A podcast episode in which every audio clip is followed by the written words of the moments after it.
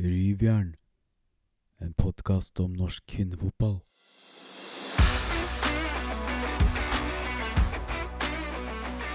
Hjertelig velkommen til denne ukens episode av Rivjern. Eh, Alexander, hva gjorde du i påsken? Ingenting, om jeg skal være ærlig. Svært lite. Ingenting? Så, svært lite. Jeg hadde faktisk ingen planer etter å starte, starte en ny jobb noen få dager før. Så Den kom litt brått på, dem også. Men, da har Men du, du har vært ute og farta? ja, jeg har vært ute av fart, men du har jobba? Ja, jeg jobber alltid. Ja. Kvalitet over kvantitet, vet du, Alexander. Ja, jeg, jeg har eh, nytt noen dager på fjellet, jeg. Vi har jo litt avspasering som lærere, så det har vært fint. Um, og da passer det jo bra å ønske velkommen til Ingrid Mo Wold. Takk for det. Hvordan har din påske vært? Åh, den har vært eh, knallbra. Det har vært eh, drømmepåske. Litt hjemme på Kapp, og så på fjellet, og gått på ski. Ja, var det bra glid, bra feste? Veldig. Ja. Veldig. Så det var eh, topp vær, topp skiføre. Har du noen smøretips? Nei, jeg bruker felleski. Det er jo tipset Så det er sjøl. et stort tips, vil Ja. jeg si. Jeg hadde dårlig glid med mine felleski. Ja, nei, det hadde jeg ikke. Nei, da er det sikkert på teknikk. Jeg er veldig glad i feste. Ja, Mm. både på ski og ellers. Ja. ja. Det, er, eh, det er lov. Vi kan ta en eh, sånn eh, proper introduksjon for deg da, Ingrid, når du først er her. Vi har jo med en levende legende å gjøre. Født 29. januar 1990 fra Kapp. Eh, Toppseriedebut 2009 for Team Strømmen. Debuterte for LSK kvinner i seriekamp borte mot Kattem 5. april 2010. Husker du hvem du skåret ditt første mål for LSK kvinner mot? For LSK kvinner eller Team Strømmen? LSK kvinner. Sikkert Kattem, da. Nei, det var mot Kolbotn 29. mai, så det var et par måneder eh, i etterkant. Um, I oktober 2018 stoppet Ingrid opp på 195 seriekamp på rad for LSK kvinner. Du spilte 195 seriekamp på rad. Så vi bare kan ta det først, da. Det, var du heldig, eller har du en genetikk som er litt uh, ut av uh, Ja, som ingen andre har, eller hva tenker du er grunnen til at du greide å stå såpass mange kamper? Nei, det spørsmålet det har jeg fått, eh, har jeg fått mange ganger. Og nei, jeg veit ikke. Det er vel en god blanding. Jeg tror både jeg har vært heldig og har eh, god genetikk, en allsidig bakgrunn, så ja, vært eh, nøye med andre ting. Så jeg tror det er en god blanding. Og du spilte i LSK kvinner til eh, ut 2019, og så signerte du i januar for CFF Madrid, før ferden gikk videre til Everton eh, sommeren samme år. Yes. Eh, CFF Madrid, Ja. Eh, du var der et halvt år. Hva slags inntrykk, eh, eller hva var grunnen til at du valgte den klubben, og hva slags inntrykk satt du igjen med i ettertid? Jeg føler det var veldig tilfeldig at det ble den klubben, men eh, jeg hadde kommet til et punkt hvor jeg ønska meg eh, ut og prøve noe annet enn Norge. Og så var det egentlig den muligheten som plutselig dukka opp. Og så syntes jeg det hørtes spennende ut med spansk fotball og Mm. bo i Madrid. Og så, veldig ulikt meg, så kasta jeg meg på den muligheten. Signa blindt, eh, ante ikke hva jeg gikk til. Eh, og så ble det jo eh, det var en seksmånederskontrakt, ja, i utgangspunktet, men det endte jo med at jeg var der i tre måneder pga. korona. Så det ble jo veldig kort. Mm. Men jeg hadde, hadde tre utrolig fine måneder, vil jeg si. Lærte mye nytt, eh, og lærte mye nytt om meg sjøl, og på en måte måtte, måtte takle litt andre ting enn hva jeg var vant med. Så det Mm. var ut av komfortsonen, men eh, det var gøy. Ja, du sier at du lærte mye nytt. Hva, hva innebærer det?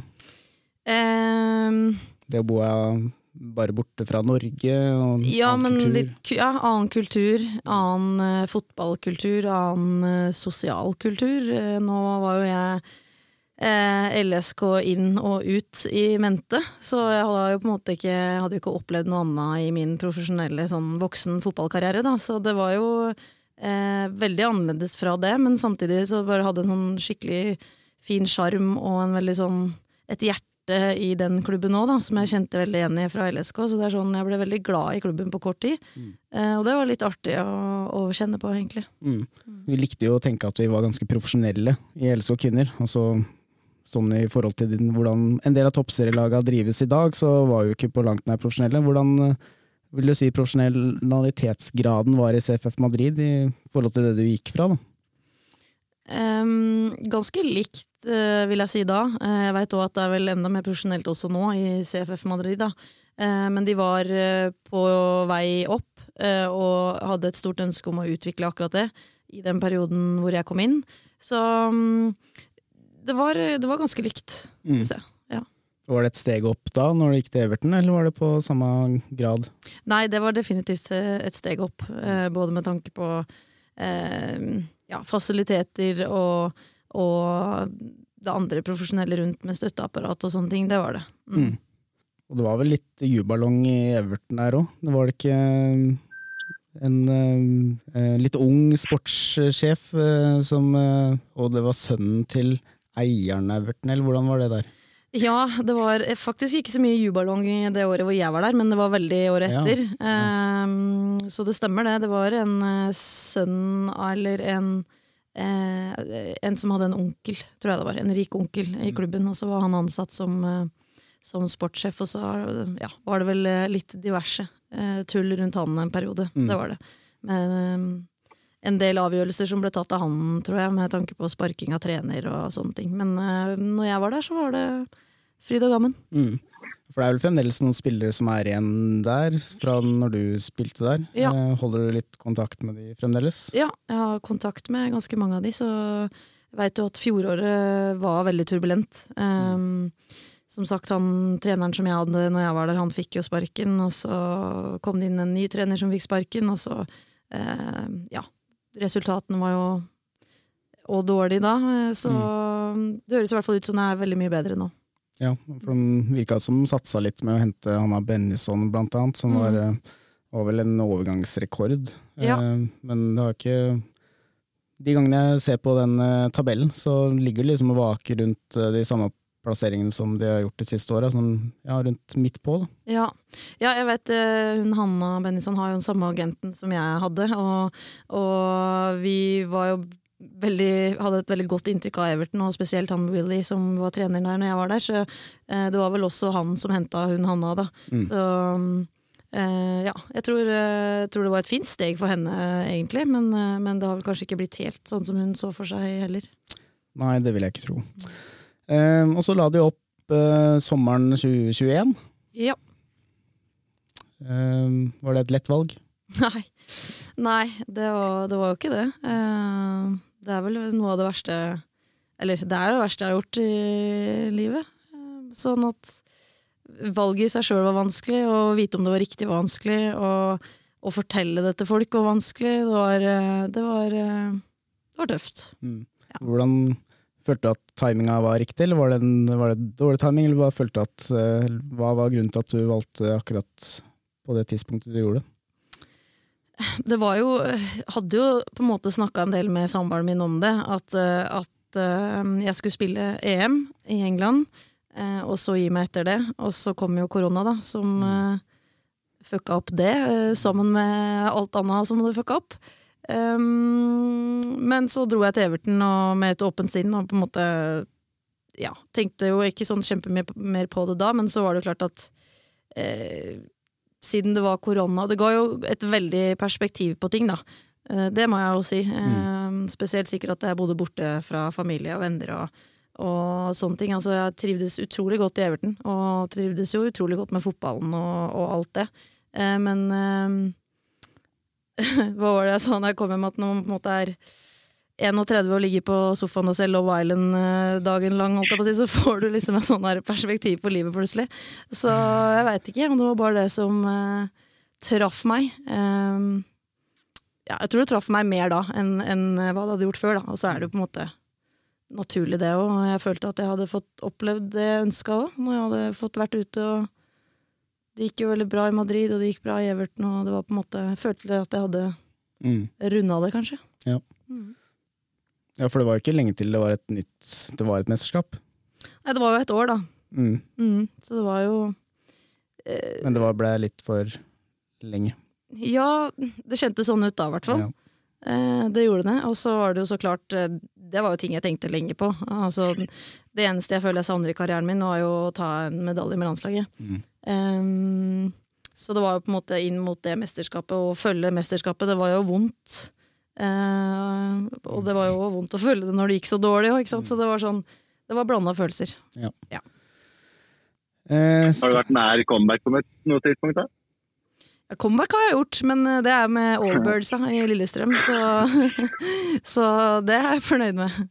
Det er toppserien da, eller lignende? for å si det sånn. Nei, jeg har ikke vært, eh, vært veldig nære det. Har ikke det. Nei. du har blitt spurt. Jeg har blitt spurt, det har jeg. Så det er hyggelig, da. Det hadde vært fint hvis du hadde avslutta et par år i Vålinga, tenker jeg. Det hadde vært eh, fint eh, eh, for æresmedlem i LSK Kvinner. Ja. Eh, vi kan jo liste opp eh, en del av de bragdene du har eh, gjort, da, for å prøve ikke å bli for eh, flau, eh, Ingrid. Eh, Norgesmester for jenter 19 med Team Strømmen i 2009. Mm. Eh, seriemester med og Kvinner i 2012, 2014, 2015, 2016, 2017, 2018 og 2019. Cupmester i 2014, 2015, 2016, 2018, 2019. Eh, Kåra til årets forsvarsspiller i 2015 av Serieforeningen for kvinnefotball. Tatt med på årets lag 2015 av NISO, årets lag NISO 2016, 2017, 2018. Årets lag i Toppserien 2019, eh, og cupfinalist med Everton, hvor dere tapte etter ekstraomganger. Hvem var det mot? Det var mot City. Manchester City. Ja. Mm. Hvor ble den spilt? Ble den spilt på Wembley. Ja. Mm. Det må ha vært eh, kult. Ja, det var dritkult, men det hadde vært enda kulere hvis det hadde vært publikum. Å ja, ja, det var ikke publikum, ja. Nei, Så det ble kanskje enda verre med å ha det på Wembley eh, Nei det 200 var tribuner. Nei, jeg skal ikke klage. Det var gøy. Ja, ok. Det var det. Eh, og sendte opp med 78 landskamper, stemmer det? Ja, det tror jeg stemmer. Ja. hva slags klokker er det man får da? Er det 50 man får noen klokker? Nei, det er 25. 25, ja. Mm. Og så er det noe servise, og så er det Ja, det er vel det der. Så er det service du drar fram når du har fintfolk Ja, det har jeg ikke fått ennå, faktisk, så det Oi. må jeg jo mase litt på, da. Mase på vente, da. Ja, da må du få tak i det. Ja. Hva arrangerer du høyest av det du har vært med på? Oi, ja, det er jo eh, Det er jo litt sånn derre eh, Veldig dumt. eh, Fordi når man på en måte får høre alt det der, så er det nesten sånn litt sånn surrealistisk at jeg har vært med på det. For det er jo litt sånn når man er i det, så tenker man egentlig ikke noe over det. Man er ikke så flink til å på en måte ta til seg det man faktisk har vært med på, da. Ehm, så det er jo, for meg er det veldig rart egentlig at eh, alt det der har skjedd eh, nå. Men ehm, jeg klarer egentlig ikke å rangere noe, av- noe av det der. Det er jo selvfølgelig noen enkeltkamper som stikker seg veldig, veldig ut. Eh, men eh, det som jeg på en måte husker best, og som jeg har med meg, er jo alle de menneskene man har blitt kjent med. og Det høres jo utrolig klisjé ut, men det er jo faktisk sant. At man har fått utrolig mange gode venner og, og bekjentskaper gjennom eh, fotballkarrieren. Mm. Både i er Norge og ellers. Hvordan er det å forsvinne fra en garderobe på den måten? da? Nå Ja. sier du, at du, eller, du har jo vært litt i fotballmiljøet etter det, men eh, Ja, det er jo kanskje det jeg det jeg på en måte kjenner på at uh, har vært verst, tror jeg. Um, det der med å på en måte føle at man ikke er en del av det lenger. Og da tror jeg garderoben og den lagfølelsen er det største av delen av det, da. Definitivt. Og så er jeg jo utrolig heldig og er fortsatt i fotballmiljøet på flere områder og eh, har en jobb hvor jeg jobber med, med fotball og sånne ting, så, så det kjennes i hvert fall godt, at man fortsatt er en del av, av fotballfamilien. Da. Mm. Det er jo morsomt at du savner garderoben i LSK. Vi hadde jo nesten ikke garderobe engang. Vi hadde, hadde jo en fast garderobe for så vidt, men det var ikke store greiene. Nei, der òg har det jo blitt eh, ganske mye bedre nå etter at jeg dro fra klubben, men eh, det er det som er så fint òg, da. At, eh, at det, den der luksusen spiller, har jo ikke spilt noen rolle for meg. Jeg har jo eh, dritgode minner og min beste tid, uansett om fasilitetene ikke har vært noe bra. Det er jo på en Mm. måte den eh, de folka man er med, som betyr mest. Mm. misunner du de som vokser opp nå da, og får litt sånn ja, andre fasiliteter og forutsetninger? Jeg tror misunne er liksom feil ord, men, men fordi det er jo på en måte dit eh, vi alle har jobba, holdt jeg på å si, uten at jeg skal ta noe æren av det. Mm. Men sånn, det er jo det man har ønska i alle år, så det at det faktisk har kommet dit nå, er jo utrolig gledelig. Og det er jo, gjør meg egentlig bare glad for alle de jentene som vokser opp nå, at de har, har muligheten til å, å ha det sånn. da. Og så skulle jeg jo selvfølgelig gjerne ønske at jeg var ti år yngre, men eh, det er jeg ikke. Nei, dessverre. Eh, For samtidig som eh, vi spiller den podden her, så starter jo Norge-Sverige. Eh, Litt sånn dårlig timing med tanke på innspillinga, men eh, vi har det i hvert fall i bakgrunnen, så vi kan jo Vi skal ikke kommentere live, for det er dritkjedelig å høre på i morgen når kampen er ferdig. Men se om det er noe bedring da, fra den Spania-kampen som blei ble spilt for noen dager siden. Alexander, du så sånn delvis på den. Jeg så eh, mesteparten på den. Eh, Ingrid, du var i løypa. Jeg var på påskefjellet, altså. Så jeg, med hele familien, så jeg fikk ikke sett den. Nei, det var litt dårlig tidspunkt sånn sett. Eh, har du noen sånne betraktninger rundt den kampen? Vi tapte vel 4-2, ble det vel til slutt, eh, Alexander? Det det, det du så? Nei, det var vel som Hege Riise sa, at det var noen steg tilbake fra det man har vist tidligere mot antall bedre lag som Frankrike og Nederland og, og de lagene der. Spania var vel ganske mange hakk bedre helt fra start til slutt. og Norge var jo effektive som fikk to mål. Spania gjerne kunne hatt enda flere. og ja, Det blir spennende å se om de klarer å heve seg nå mot, uh, mot Sverige, som også er en god motstander. og det var jo ikke det. Vi må huske på at det ikke er det beste Spania-laget som er med. Det er jo 15, i hvert fall 15 spillere som ikke er med, pluss Alexia på Så det skulle gjerne vært et lite hakk nærmere. Ja, særlig når vi stiller eh, nokså sterkt. Det var vel eh, ja, Gram Hansen da, som ikke var med i den kampen. Sånn utenom det så var det vel ja, og Cecilie Fiskersand eventuelt, da, om hun kommer inn. Utenom det så var det vel så å si toppa. Um, vi prøvde jo å legge oss litt lavt i den kampen og prøvde å stenge rom, men eh, det ble sånn lite, i hvert fall det jeg følte, det ble lite intensitet i presset. De fikk litt for god tid. Og så er jo spanjoler, selv om, at, selv om det ikke er de beste spanjolene, så er de vokst opp med en annen type fotball, og de greier å finne de romma eh, som oppstår. Og det de la seg med mange mellomrom og halvhøye bekker, så i hvert fall Tuve Hansen sleit litt med å vite om han skulle støtte oppi bekk, for du hadde en på innsida, så ble jo på det ene målet så ble jo eh, halvveis oppi, og det kjenner vel du deg litt igjen, eh, Mo, det å kunne Ja, den følelsen er ikke god, den. Nei. Den er ikke det, men eh, det er jo det som er eh, eh, hva skal jeg si, ja, oppgaven til de gode lagene òg. Hvis jeg snur på det sånn måten vi spilte på i Lillestrøm, så var det jo det man ønska. At Mm. man skulle skape litt sånn overtall på bekkene, og det er de flinke til Mm. ute i verden. Så det handler jo bare om å, om å løse det på en litt bedre måte. Mm.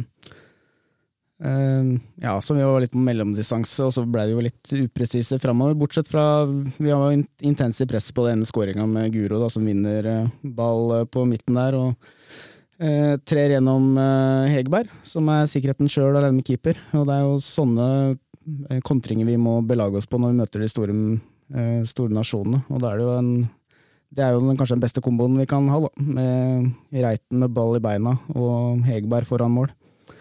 Eh, Så må vi jo ta med at eh, Cecilie Andreassen spilte jo sin første kamp, og skårte jo et mål. Så det var jo morsomt. Og ble, og ble banens beste på 14 minutter. Eller Norges beste, da. Ja, det er, eh, det er godt gjort. Ja, det var en fin start for henne, da. Ja, det var absolutt en uh, fin start. Selv om jeg tror det var offside. Det var en spiller som var rett foran eh, keeperen der. Men, uh, Det var vel som var også der. ja. Men vi, ja, vi får få den. Uh, apropos når vi snakker om høyrebekk, så ser vi at Sverige dundrer fram på sin venstreside her. Og ja. Nei, det er, eh, vi får håpe at det er litt eh, bedring. Eh, og samtidig så kan vi jo nevne jenter 19. Eh, vi hadde jo eh, Thea Kyvåg og Julie Aune Jorde på besøk i forkant av kvaliken. Eh, og den kvaliken der har ikke gått sånn som de ønska, Aleksander. Nei, jeg så faktisk kampen mot Irland der de tapte og med all sannsynlighet gikk litt er vel i dag det er siste kamp, tirsdag. Mm. kjørte jo egentlig over Irland i store perioder, men, men Irland var mer effektiv og man fikk en sånn unødvendig straffe imot. Ja, det var enormt med sjansesløseri, og da, da blir det vanskelig. Og, Mm. og det var denne gangen her så gikk det ikke. Og skuffende, da. Ja, det, Etter å ha tatt sølv i forrige EM. mm, veldig skuffende. Er du enig Jeg ser så i hvert fall ett medium som eh, Medium, det er kanskje noe annet. En, en annen medieperson, eh, Berge, eh, hva er det han skriver på for en Alexander? Er det Sportskollektivet? Ja, det stemmer vel. Ja. Han mente at vi var bortdømt. Nå så ikke jeg kampen, du så mm, Følte at det var uh, riktig ting å dra fram etter den, uh, det tapet? Var sikkert ikke alt var helt riktig med dommeravgjørelsene, men, uh, men her syns jeg man kan takke seg selv mer enn at det er dårlig med feil. Da. Ja. Det, var nok, det var ikke sjansen jeg sto på, for å si det sånn. Og jeg så den ene straffa som Oda Johansen lagde, og jeg mener jo den er klink straffe. Det er ikke noe skulder mot skulder, det er skulder mot eh, rygg, så da er det dumt å gå inn i en sånn eh, takling i eh, egen 16-meter. Uh, og jeg ser de spiller nå mot Tyskland, og de måtte jo vinne mot Tyskland og samtidig håpe på noe hjelp fra den andre kampen. Uh, og det ser ut her nå, så leder jo Tyskland 1-0, i hvert fall det pauseresultatet. Uh, så det ser ikke ut til at det går, dessverre. Så det er jo Det er jo synd. Men da er det mulighet for eh, det neste kullet til Enter 19, som da blir 05-06, da. Bra. Ehm, Da tenker jeg vi skal gå videre til neste spalte, som heter eh, Ja, dere får vite snart hva den heter.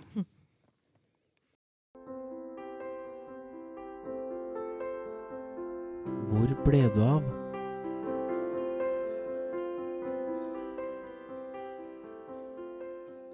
Den vi har dratt fram nå, det er en spiller som du har spilt med i to forskjellige klubber.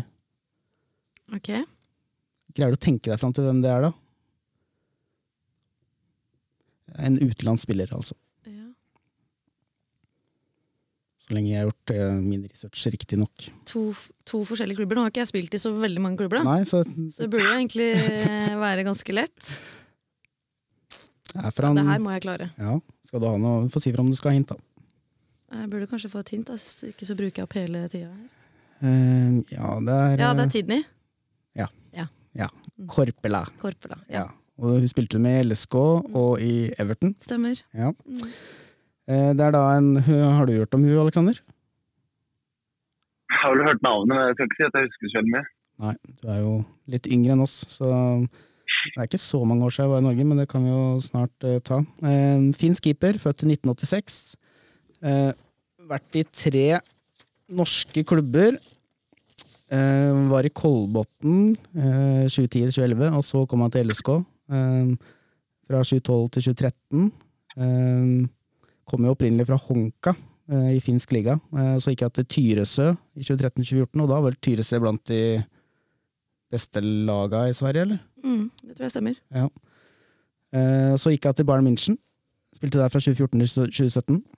Og så tilbake igjen til norsk toppserie og Vålerenga. Så en av de som har gått fra LSK til eh, Vålerenga. Mm. Hadde ikke kanskje så hjerte i LSK da. Eh, Og så da, fra 2019 til 2021. Eh, Da var jeg vel litt inn og ut av det laget, eller når du var der, Ingrid? Ja, hun var det. Um, prioriterte en ung eh, engelsk keeper, stort sett, fremfor Mm. Tini. Men eh, alltid veldig solid når han fikk sjansen. Hun er jo den, eh, kanskje den mest profesjonelle spilleren eh, jeg veit om.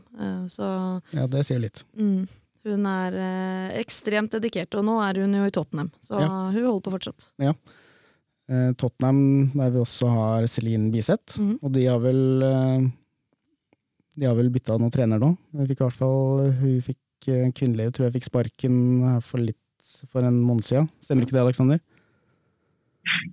Jo, det kan vel stemme når du sier det. ok. Men eh, Ja, jeg er ganske, jeg er ganske sikker på det. Det Eh, har ikke de- gått så bra med Tottenham uh, i år. Så. Nei. Ehm, eh, men hun har jo blitt eh, finsk seriemester 2006-2007-2008. Eh, vinner av finsk Lia Cup i 07-08. Bronse i toppserien med Kolbotn 2011. Seriemester med LSK kvinner i 2012. Eh, årets lag i 2012 i toppserien. Seriesølv i 2013. Eh, Kåra til årets kvinnelige fotballspiller i Finland 2013. Tapende cupfinalist i Champions League med Tyresø i 2014.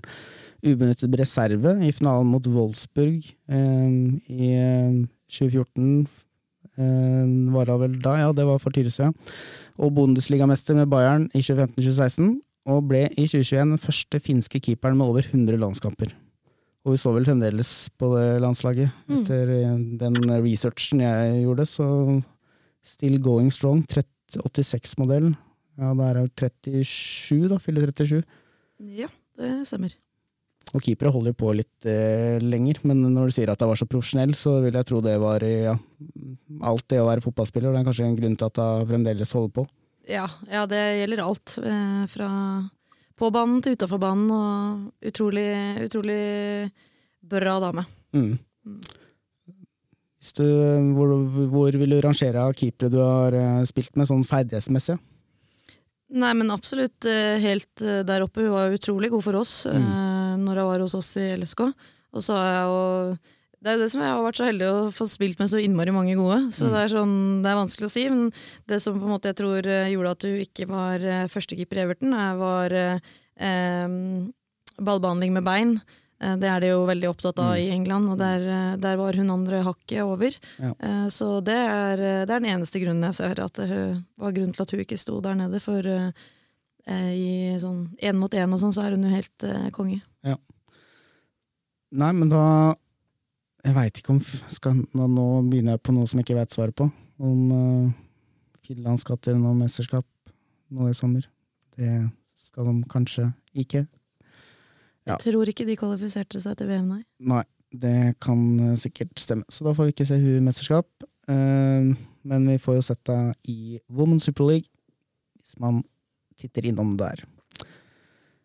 Eh, nå har du spilt ti minutter av Norge-Sverige, Ingrid. Har du noen betraktninger? Nei, jeg har, jeg har bare titta litt eh, grann bort. Det ser ut som det bølger veldig fram og tilbake. Ja. Høy intensitet. Det er sånn det skal være, det. I et nabooppgjør i eh, Sverige. Eh, og det er jo et par forandringer på laget også, fra forrige gang. Um, Brattberg-Luden måtte jo melde forfall, eh, eller måtte dra hjem pga. en skade. Så har de flytta Tuve Hansen over på venstre bekk, og så har de satt uh, Satt inn uh, Thea Bjelde. Thea Bjelde på høyrebekken. Mm -hmm. uh, og så ville Berisa kommet inn for Ingrid Kirstengen, og Jøsendal kommet inn for Eikeland. Og da har vi bytta plass fra venstre til høyre. Mm. Eh, sånn ellers er det likt lag. Aurora Michaelsen får fremdeles tillit i målet. Eh, da kan vi jo egentlig gå videre til noen spørsmål fra lytterne til deg. Uh, og vi har et spørsmål, et ganske langt spørsmål, fra Andreas Lange. Veldig med liksom oppfølgingsspørsmål og sånn, så okay. pass på at jeg gjør eh, jobben min. Så det er bra. Uh, vi ser at Norge slet en del mot Spania på forrige treningskamp, trass i at åtte av elleve av de startende spillerne på toppnivå i noen av de mest ressurssterke og høyest presterende klubbene i Europa. Mitt inntrykk er at dette ikke er så uvanlig i landslagssammenheng. Basert på dine erfaringer så lurer jeg på om du kan kaste litt lys over noen utfordringer som generelt sett kan dukke opp når en landslagstropp tropp med stort mangfold av ulike erfaringer, metoder og kommunikasjon skal jobbe sammen. Ja. Hovedutfordringen er jo at de ikke De ser hverandre jo ikke hver dag. Det går jo, Nå var det vel omtrent to måneder siden eh, forrige gang de hadde sett hverandre, sånn i starten på det året her. Og eh, vi veit jo det at skal man få til samhandling og sånn, så er det jo veldig viktig at, eh, at eh, man trener mye sammen. Og det får man jo i klubblag. Eh, sånn, det er jo på en måte første, første pri, og så er det jo når man er på et landslag, så vet man jo at alle spillerne holder jo et veldig høyt nivå. Um, og det handler jo om å én få ut eh, det nivået eh, på, på landslaget. Det, kom, det kan jo handle om formasjon, eh, hvilken posisjon man spiller der kontra i klubb. Men også da hvilke spillere man har rundt seg. Da. Så det går jo på, det går på relasjoner og, og tenke det samme, rett og slett. Det tror jeg nok er det jeg erfarte mest da, sånn i hvert fall i tida i Lillestrøm, at det der at man tenker det samme, er jo en veldig stor forutsetning for at man lykkes. Mm. Og da vil jeg tro også at som landslagssjef så må du komme med ganske tydelige føringer da, på hvordan man skal spille. Det er kanskje ikke tida til å ha eh, veldig avansert eh, system med tanke på Mm. den tida man eh, er sammen. Nei, og så er det jo det at eh, ja, man skal ha tydelige, tydelige tanker og tydelige krav om hvordan man skal spille, men man må jo også få med seg hele, hele gjengen på samme Mm. tankegang. Mm. Eh, og det og tenker jeg jo at det er ikke sikkert alltid er like lett, da. Når man kommer fra, fra noen av de beste klubbene i verden, eh, hvor man spiller en eh, type fotball og sånn. Så det er jo, det er jo vanskelig. Mm. Vil du si at det var litt utfordringa som også Martin Sjøgren sto for? eh, At, eller hvordan var hans eh, spillmodell med tanke på de spillerne som han hadde å råde over? Ja, nå, eh, altså, nå veit jeg jo det at uh, de fleste uh, tenker, og det skjønner jeg jo, fordi, fordi det funka jo ikke. Eh, men eh, det jeg opplevde på landslaget da, i min tid, så var jo den tida med Martin og Anders veldig morsom. Veldig på sitt vis utviklende for, for meg. Og Jeg likte jo fotballfilosofien veldig godt. Jeg følte det var veldig mye av det samme som vi ville få til i Lillestrøm. Mm. Um, og så ser man jo der kanskje nettopp det, at eh, det var litt for krevende og litt for avansert, hvis man skal si det sånn, for at man fikk det til eh, på et landslag hvor vi ikke så hverandre så mye, da. Mm. Um, men det er det jeg er så lei meg for, at vi ikke fikk det til. Mm. Eh, fordi det var utrolig morsom fotball. Mm. Ja. Hva er det som skulle til da, for at man skulle fått det til i større grad? Nå er det ikke sånn at det var eh, noen år med bare forferdelige resultater, langt ifra. Det var, Nei, det er det. det er sånn, vi hadde jo en del kamper hvor det faktisk Mm. var veldig bra, og jeg husker jo blant annet Frankrike-kampen i VM i Frankrike. Eh, hvor vi spilte en utrolig bra kamp, og vi så igjen utrolig mye av det som vi, vi ville se. Og det var eh, gøy å få det til eh, mot en sånn topp internasjonal motstand. Mm. Og så selvfølgelig så skulle vi gjerne ønske at vi fikk enda bedre resultater sånn totalt sett. Ehm, men det er jo noe med det at det er spill mot spill, da. Eh, og det er vel kanskje det som eh, slo aller mest hardt tilbake på oss. At, eh, at vi ikke tok kanskje nok hensyn til de motstanderne vi møtte. Mm. Um, for jeg husker også den treningskampen hvor vi møtte England i Bergen rett etter eh, VM. Så gjorde vi et taktisk endring, eh, som jeg husker veldig godt, for jeg var veldig innblanda i det, som en høyre back. Mm. At vi skulle ligge i leddet, ikke støte ut, men at kantene skulle ta jobben ned. Og det var jo en helt annen følelse. Mm. Uh, og så veit jeg jo også det at det er jo annerledes for England også å spille en treningskamp i Norge kontra uh, å spille en kvartfinale i VM, hvor vi tapte 3-0. Men det skilte jo typ én måned mellom de, og vi håndterte jo ting veldig mye bedre i den kampen. Så det er, sånn, det er jo de taktiske vurderingene, kanskje, som eh, uh, man burde gjort oftere. Mm. Og som man kanskje ser litt nå, da, med Hege og Monica. At de velger å gjøre litt mer sånne mm. eh, taktiske grep, sånn sett. Ja, og du um, hadde jo Hege og Monica i LSK Kvinner, eh, og dere var jo best i Norge og prøvde eh, dere ute i Europa. Eh, hvordan var Hege og Monica da til å kunne ta eh, taktiske grep da, i forhold til motstander, eller var det litt sånn Eggen-ish fra Rosenborg, hvor det tok litt tid før man til slutt gjorde litt eh, Jeg tok litt eh, hensyn til eh, motstanderen. Nå skårer Sverige mens vi snakker om det, men Ja, nei, det er jo òg litt både og, da. Etter hva jeg husker, sånn som i Norge, så var det sånn når Vi var ganske overlegne, så det var på en måte motstanderen som skulle ta litt hensyn til oss. Eh, vi tok jo for så vidt eh, en del hensyn til hvis det var noe spesifikt, så jeg syns alltid at det var veldig klart og tydelig og, inn mot det. Ehm, men eh, sånn ute i Europa og sånn, så, så tror jeg jo også litt at vi trengte en kamp før vi på en måte var litt inne i det. Eh, det husker jeg ofte, at eh, man fikk liksom litt sånn slag i fleisen første kampen, og så, og så lærte man av det, og så ble det bedre. Um, så det er jo klart, man må jo òg vite Det stiller jo utrolig store krav til uh, trenerne og til scouting og ikke sant. Du har jo jobba med analyse, du veit hvor mye, mye det kreves da, for at man én skal vite nok om motstanderen sjøl, og så formidle det ut i gruppa. Det, det er mye jobb. Ja, det er det. Og jeg husker jo jeg og Cecilie Berg-Hansen var og scouta Barcelona i Mm. forkant at vi skulle spille mot de, og så trodde vi at vi liksom hadde fått sett det svake leddet i Barcelona, det var Hamroi sentralt der. Veldig, Veldig, veldig nonchalant med ball, og Ja, det husker jeg vi snakka mye om. der kunne vi få mye brudd. Ja, Og så møter vi de, og vi har jo full kontroll ja på hvor, hvor motspilleren er Ja. hele tida, så det var jo umulig å få ballen fra. Eh, og det var jo en kamp hvor vi borte mot Barcelona eh, stilte sånn som vi pleide. Vi Mm. spilte jo 4-2-3-1, lå kanskje litt lavere. Um, men vi, de, ja, vi hadde jo noen ja, kanskje et par muligheter offensivt basert på det, men uh, vi hadde jo trua på at det kunne funke mot Barcelona, og så la vi jo litt om uh, til den hjemmekampen, for så vidt. da. Men da var jo den egentlig allerede kjørt, så å si. Ja, ja, den var jo det. Og nok en gang litt sånn forskjellig opplevelse. Jeg tror vi dro litt til Barcelona kanskje med hva skal jeg si, ja? Jeg tror ikke vi helt visste at de var så gode. Nei. Ehm, og så sånn hadde vi jo en utrolig bra Det er jo kanskje en av mine beste fotballminner. Sånn apropos den hjemmekampen mot eh, PSG. Jeg tror det var året før, hvor vi plutselig slår de 3-1. Mm. Um, men som når vi da kommer ned dit, ikke sant, og blir jo overkjørt fra første minutt og taper 4-0. Mm. Eh, og så ryker man på huet og ræva ut, da.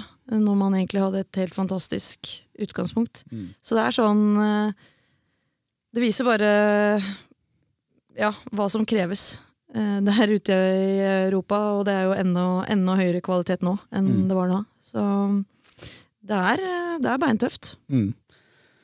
Det er det. Eh, apropos beintøft, så ja, vi ligger jo nå under mot Sverige. Eh, vi snakka litt om den komboen mellom Hege og Monica. Eh, hvordan var den dynamikken eh, når du hadde de to i LSK Kvinner? Hvem var det Da var vel ja, Monica var vel hovedtrener, og så var vel Hege assistent, og hun var vel også sportssjef en periode. Mm.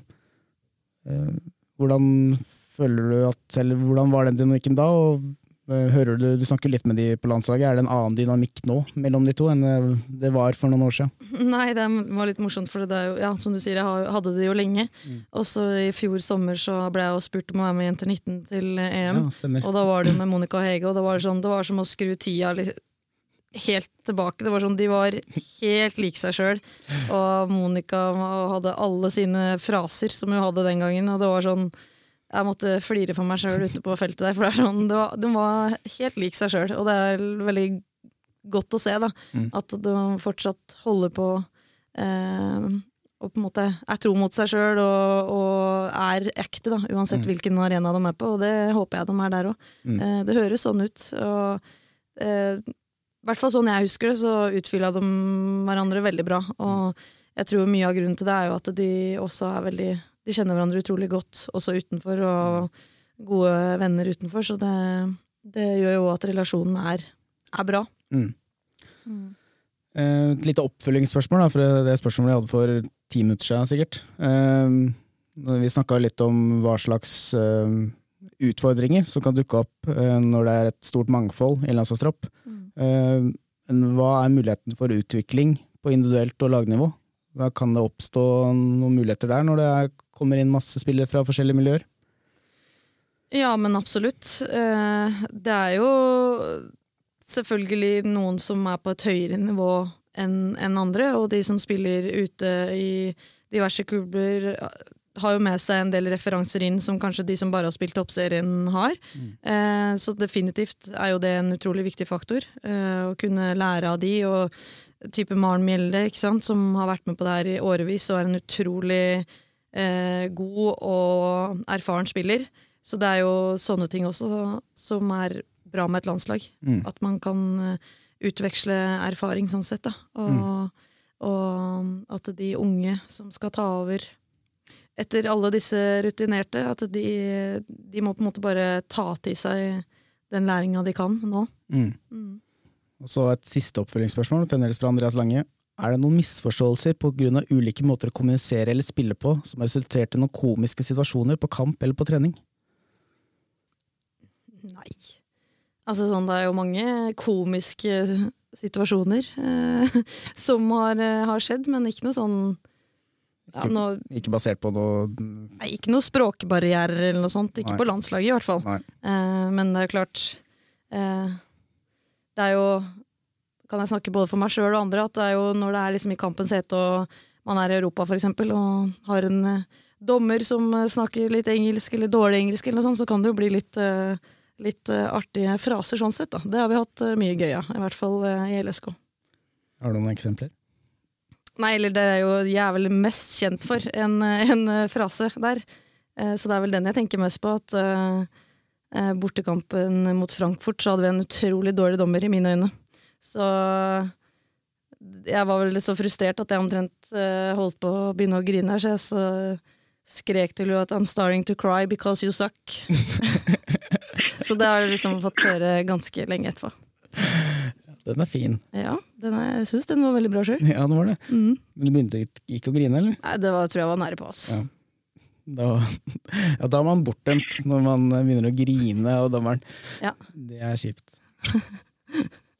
Så har vi fått et spørsmål fra det har kanskje Ingrid for så vidt svart litt på. Fra Emma Mansika og Erling Løkken hadde litt det samme eh, spørsmålet.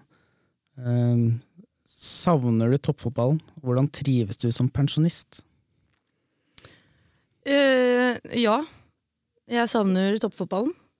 Jeg gjør jo det. Det var jo Det var jo livet, og det var jo et fantastisk uh, uh, Hva skal jeg si, en fantastisk periode, for jeg var jo så heldig å få oppleve det så mye fint.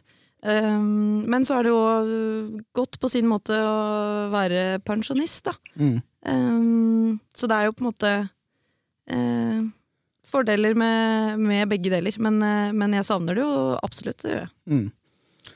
Um, og du spiller jo nå som sagt fremdeles fotball for LSK3, Old Birdsa. Old birds. Det gjør jeg, vet du. Så det er jo Det er jo annerledes, men det er jo artig. Og det er jo på en måte Jeg var jo ikke lei fotball, så det er sånn Mm. eh, Jeg syns jo fortsatt det er kjempeartig, og jeg har en kropp som eh, funker til det, og er utrolig glad for det òg. Og da spiller jeg jo med eh, mange av mine tidligere lagvenninner, og det, det er jo utrolig, utrolig gøy å fortsatt herje litt Mm. sammen. Ja, det vil jeg tro. Eh, og så jobber du på Vang i tillegg. Eh, hva Ja. er det på en måte ansvaret ditt er på Vang? Eh, der er jeg både fotballtrener og så fysioterapeut. Mm. Eh, så jeg har fotballøkter både med Vang Ung og toppidrett. Eh, hver dag, egentlig. Mm. Så mm, det er fortsatt en, eh, en del fotball. Og hvis de er litt for få til en pasningsøvelse, så slenger jeg jo meg med der òg, så det er, eh, det er gøy. Ser du noen forskjell på eh, basisferdigheter, taktisk forståelse på de unge som kommer opp nå, enn når du var ung og lovende? Ja, eh, jeg gjør jo det. Det er veldig mange gode tekniske spillere. Um, det taktiske, for så vidt, tror jeg ikke er så stor forskjell. Eh, men eh, jeg er jo um, med litt på en sånn toppgruppekrets i Oslo, og Mm. der eh, må, må bare si at der har jeg blitt helt utrolig imponert over nivået. Det er eh, skikkelig mange gode jentespillere, så jeg syns framtida til Norge ser veldig veldig lys ut, hvis de klarer å fortsette å ha den utviklinga der. Mm. Og så har jeg jo også eh, Tilde Andersson eh, hos meg på Vang eh, Ung, eh, og hun nå er jo et ja, Det er et av de største talentene jeg noen gang har sett. Så hun nå har jeg veldig, veldig stor tro på. Mm. Mm. Og det var jo litt Når vi snakker om at det er så mange unge som er lovende, da, så var det en sak ute i dag rundt den forskningen da, på skader eh, på kvinnelige fotballspillere. Eh, og det er jo en viss fare for at en del av de unge som du ser på en toppgruppe på Oslo, eh, kan få ødelagt karrieren sin Mm. pga. skader. Mm. Eh, du jobber jo også som fysioterapeut, og det er særlig de korsbånda som eh, man ikke greier å helt eh, forstå hva, hvorfor det er så hyppig blant kvinnelige fotballspillere. Mm. Eh, På Vang, er det noe dere tar ekstra hensyn til? Har er det noe forskning dere støtter dere på i forbindelse med forebygging da, av kneskader, først og fremst? Nei, det er jo det som er så synd, at det er jo, det er jo altfor lite forskning, eh, spesielt på kvinner. Mm. Eh, og eh, kroppen til kvinner er annerledes eh, enn kroppen til menn, rett og slett. Og det trengs utrolig mye mer forskning. Og så snakker jeg jo veldig mye med Håvard Moxnes, eh, for eksempel, på Idrettens helsesenter. Han som er veldig, veldig flink med kneskader og sånn. Eh, og det er, det er vanskelig å, å, plukke ut en spesifikk ting som er årsaken, men eh, det er jo ingen tvil om at det er altfor mange av de, da. Jeg syns bare det blir verre og verre. Mm. og det er utrolig trist. fordi det er, så, det er så langvarig, og man blir borte fra idretten så lenge, og da vet man jo at sjansen for å skade seg på nytt er stor, da. Mm. Så det er jo noen som får uh, karrieren sin ødelagt av det, og det er uh, utrolig trist. Mm. Mm. Alexander, nå har ikke du jobba lenge i Viking, men har du fått en inntrykk at det er noe man har fokus på i form av styrketrening etc.? Det er jo en del unge spillere i det Vikinglaget. Ja, det er ganske bra opplegg i Viking. Eh, med et samarbeid med Vikingklinikken og fysioterapeuter og diverse. Og ja, det har vært i Viking i bankebordet så har det vært uh, heldigvis på Korsika de siste åra. Det var riktignok én nå, nå i vinter, men ellers har det vel bare vært men Det har altså ikke vært mer enn tre da, de siste syv, åtte, ni åra, om jeg ikke tar helt feil. Da. Det er jo brukbart, i hvert fall sånn, hvis du ser på hvordan det er i toppserien. Der er jo mm. flere titalls i året. Ja, og samtidig som vi snakker om eh, skader, så setter Ada Egeberg seg ned i landskampen her, eh, uten at noen er nær henne. Hun driver og iser Er det kne, eller er det vanskelig å se? Men det er jo absolutt ikke noe Norge trenger. Nei, det er det absolutt ikke, og nå har Ada vært nok uheldig, vil jeg si, så Ja, det er jo Ser ut som det er kne som er litt overstrekt det er, det er, ikke en god posisjon for et kne der, da. Vi får håpe at Nei, men Det ser nå ut som det iser ned høyre. Jeg syns det nesten så ut som det var venstre ja. som fikk verste, så det er jo på en måte ja. positivt, da. Ja. Når dere hører den her, så har dere sikkert uh, funnet ut hva det var for noe. Men uh, ja, vi har ikke Vi kan ikke miste Hegerberg før mesterskap. Det går ikke. Så det er jo bare å få bytta ut. Så får vi håpe at det ikke var noe alvorlig. Um, vi hopper uh, videre. Erling Løkken hadde nok et spørsmål, og det er egentlig til hele podden. Um, det er jo en liten sånn Du har spilt i Women's Super League, uh, Ingrid. Mm. Uh, og nå er det jo litt sånn norsk kamp da, om gullet i Women's Super League. Mm. Um, det er jo ja, Alle fire topplagene har jo norske spillere. hvem er det du Følger du noe med på Super League, og hvem eventuelt tror du tar gullet til slutt? Ja, jeg følger, følger, med, og det er, jo, det er jo så utrolig artig at de norske setter så stort preg på det òg. Det er jo utrolig imponert over Frida, um, som har hatt en helt fantastisk sesong. Jeg så noen statistikk på henne her en dag, og det er jo hun hadde jo en veldig tung, eh, tung, sesong der i fjor, og, og, på en måte var mye benka og sånn. Og at hun, hun, klarer å snu det og reise seg sånn som hun har gjort, det, er, eh, det, krever, det krever, mye. Mm. Så det er utrolig imponerende. Og sammen med Guro, da. Hun har jo vært sterk lenge, men hun hadde jo en down her hvor, hun ikke, hvor hun faktisk starta en del på benken, og sånn for Chelsea, mm. men nå er hun jo helt, helt avgjørende for de. Så eh, det, er, det, er, gøy. Um, jeg holder jo jeg veit ikke helt. Jeg tror Arsenal eh, blir sterke, sjøl om de har fått noen leie skader. Mm. Og så Ja, er jo Chelsea De har jo nå eh, en del kamper eh, med Champions League òg, da. Det har jo Arsenal også. Mm. Men de kom seg jo utrolig sterkt igjennom det kamp, harde kampprogrammet de hadde nå. Jeg snakka litt med Guro før det, og var veldig spent på det, for de har jo en del skader. Så der kom, de seg veldig godt igjennom. Så de blir nok sterke. Mm. Og så er det jo litt med eh, Chelsea har jo mange spillere som har vunnet veldig mye.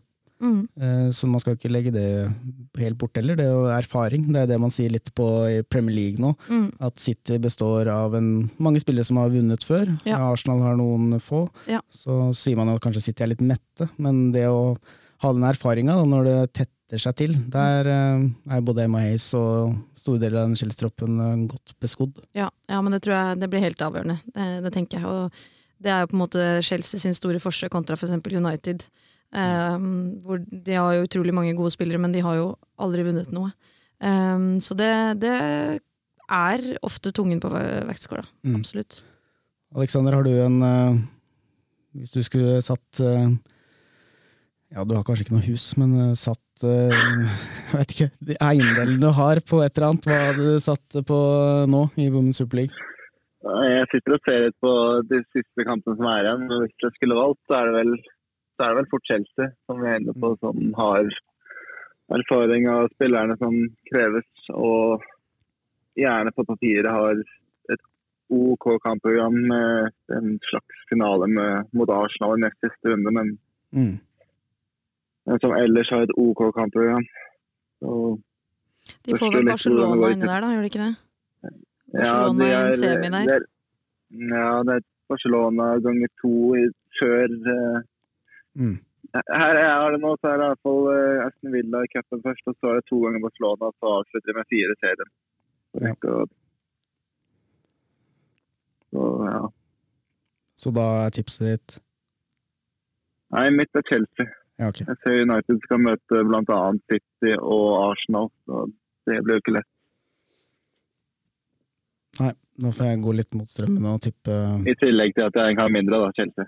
Ja, ja du tipper kanskje, tipper kanskje Chelsea, du, òg? Jeg tipper Chelsea, ja. tipper jeg Arsenal. Så får vi se hvem som eh, tar det.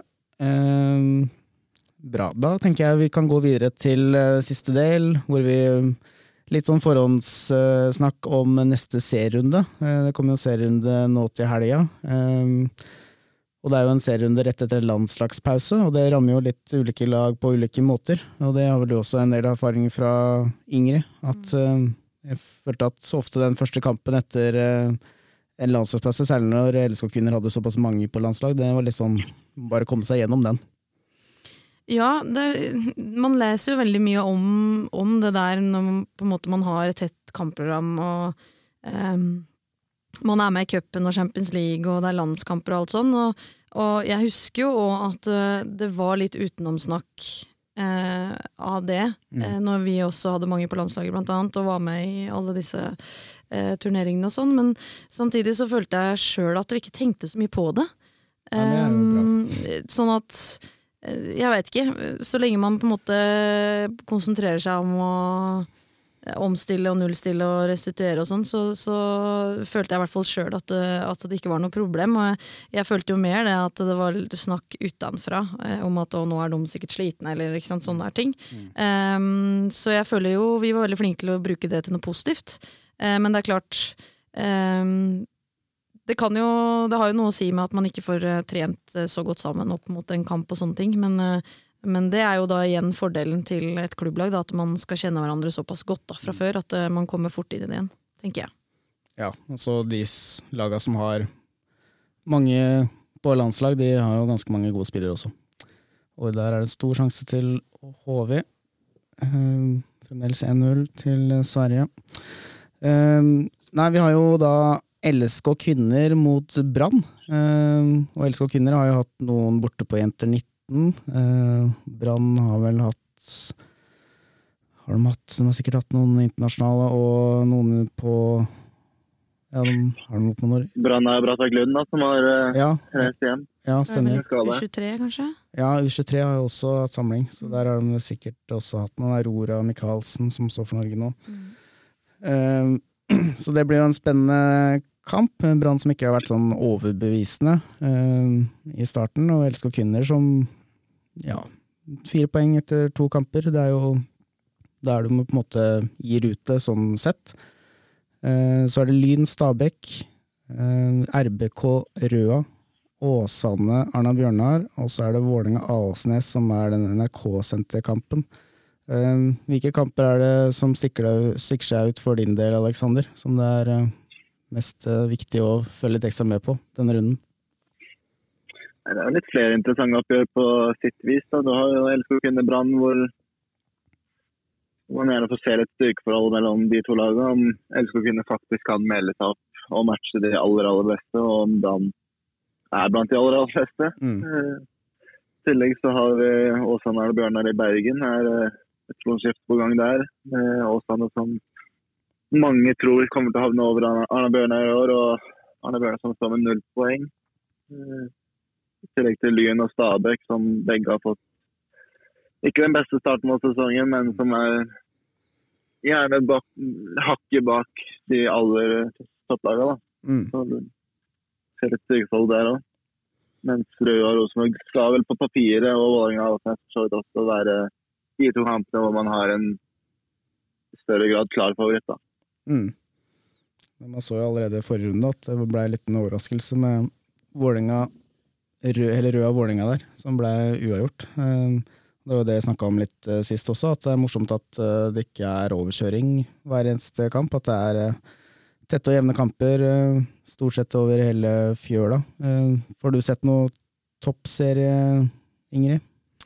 Jeg pleier å få med meg litt. Mm. Jeg gjør det. Så eh, får vel se om vi ja, får sett litt i helga òg. Du har vært litt i NRK rundt de toppseriesendingene. Er det, er det borte i år, eller er det Ja, det har jeg takka nei til i år. Det ble litt for mye TV-tid? ja. Nei, men det er jo noe med den derre Ja, hva skal jeg si? Litt helg. Ja. ja. Ja. Som jeg hadde litt lyst på når jeg slutta, så det var liksom Mm. Følte jeg på en måte gikk litt rett over til å faktisk ha litt opplegg i helga, så det er fint å være litt sånn fri. Det skjønner jeg. Fri til å dra og se toppseriekamper live For eksempel. uten å måtte være på TV. For eksempel. Eh, nei, men det blir en spennende serierunde. Eh, og når vi snakker om NRK, da, så kan vi jo glemte ett spørsmål her. Fra Monica Broberg. Hun spør om det blir noen Mesternes mester til sommeren. Ja, det gjør jeg vel, ja. Eh, nei, det håper jeg ikke, skal jeg til å si. Uh, men nei, eh, jeg har noen elever på Vagn vet du, som veldig gjerne skulle sett meg være med i Mesternes mester, og som har taks, tatt saken i egne hender. Ja, Ja. Så de har sendt en liten mail da, til NRK-produksjonen, og bare litt sånn casually nevnt mitt navn, Ja. hører jeg rykter om. ja. Mm. Regna ikke med at NRK visste hvem du var. Nei, jeg vet ikke eh, hva de tenkte, jeg. Så, men Ja. eh, Nei, men det får du ta som et det, Tar du som et kompliment, eller tar du som at du vil se læreren sin dritsøt på TV? Eller? nei, det, de var i hvert fall veldig ivrig på at jeg skal gjøre det bra, da, for det maser Ja. på meg hele tida at jeg må trene på ditt og datt. Mm. Uh, men nei, det Ja. Nei, jeg har, det, er- det er selvfølgelig noe man ikke hadde takka nei til. Det tror jeg ikke man kan gjøre. Nei. Jeg elsker jo å se på det sjøl, men eh, jeg tror kanskje jeg heller vil se på det. Så det var bare tilfeldig at jeg så deg i 90-graderen utafor uh, studioet her i stad. Ja, det var tilfeldig. Okay. Det er sånn jeg bare pleier å gjøre. Ja, men Det er kjekt å vite. Um, har du noen avsluttende ord eller spørsmål Alexander, før vi runder av denne podden? Nei, Vi får håpe at det blir en like spennende runde som sist. At det Ja. ikke blir eh, det, det er jo kamper som man gjerne tror også kan bli litt jevne. Så Mm. Ja, er som nevnt de to kampene der som kanskje blir litt spennende om Avaldsnes kan matche Vålerenga og Røde kan ypse mot et nytt topplag. Mm. De andre kampene er vel Det ble iallfall overraska over om det blir noen storserie til noen av laga. Og så kommer det en Det er bare å ny komme på kamp til Ja, ja. alle rundt omkring. Kom på kamp, og det er jo allerede en ny runde onsdag ja, neste uke. da. Eh, Så det er to kamper som er ganske tette, og vi skal prøve å spille inn en pod i mellomtida der, og forhåpentligvis med en gjest som uh, sannsynligvis kommer til å spille begge de kampene. Uh, Det kommer vi tilbake til. Men uh, da må jeg bare takke for at du blei med oss på denne episoden, Ingrid. Takk for at jeg fikk komme. Det var bare hyggelig. Eh, takk for at du eh, fremdeles er der for meg, Aleksander. Det er veldig hyggelig. På det. Takk for det. Eh, da takker vi for oss. Eh, følg oss på Facebook, Insta og Twitter. Søk opp Rivjern på Facebook og Rivjern Podcast på Insta og Twitter. Rate oss gjerne på Apple Podcast, og vi ønsker som alltid spørsmål og forslag til spalter etter uh, serierunde, og det har vi ikke fått noe særlig av. Så da må, du, må vi være kreative, Alexander, og det er vi ikke alltid like gode på. Vi er alltid kreative. vi. Og du er alltid positiv. Det er litt irriterende, egentlig, men eh, det er bra vi har litt motvekt der òg. Bra, da takker vi for oss. Ha det bra. Rivjern. En podkast om norsk kvinnefotball.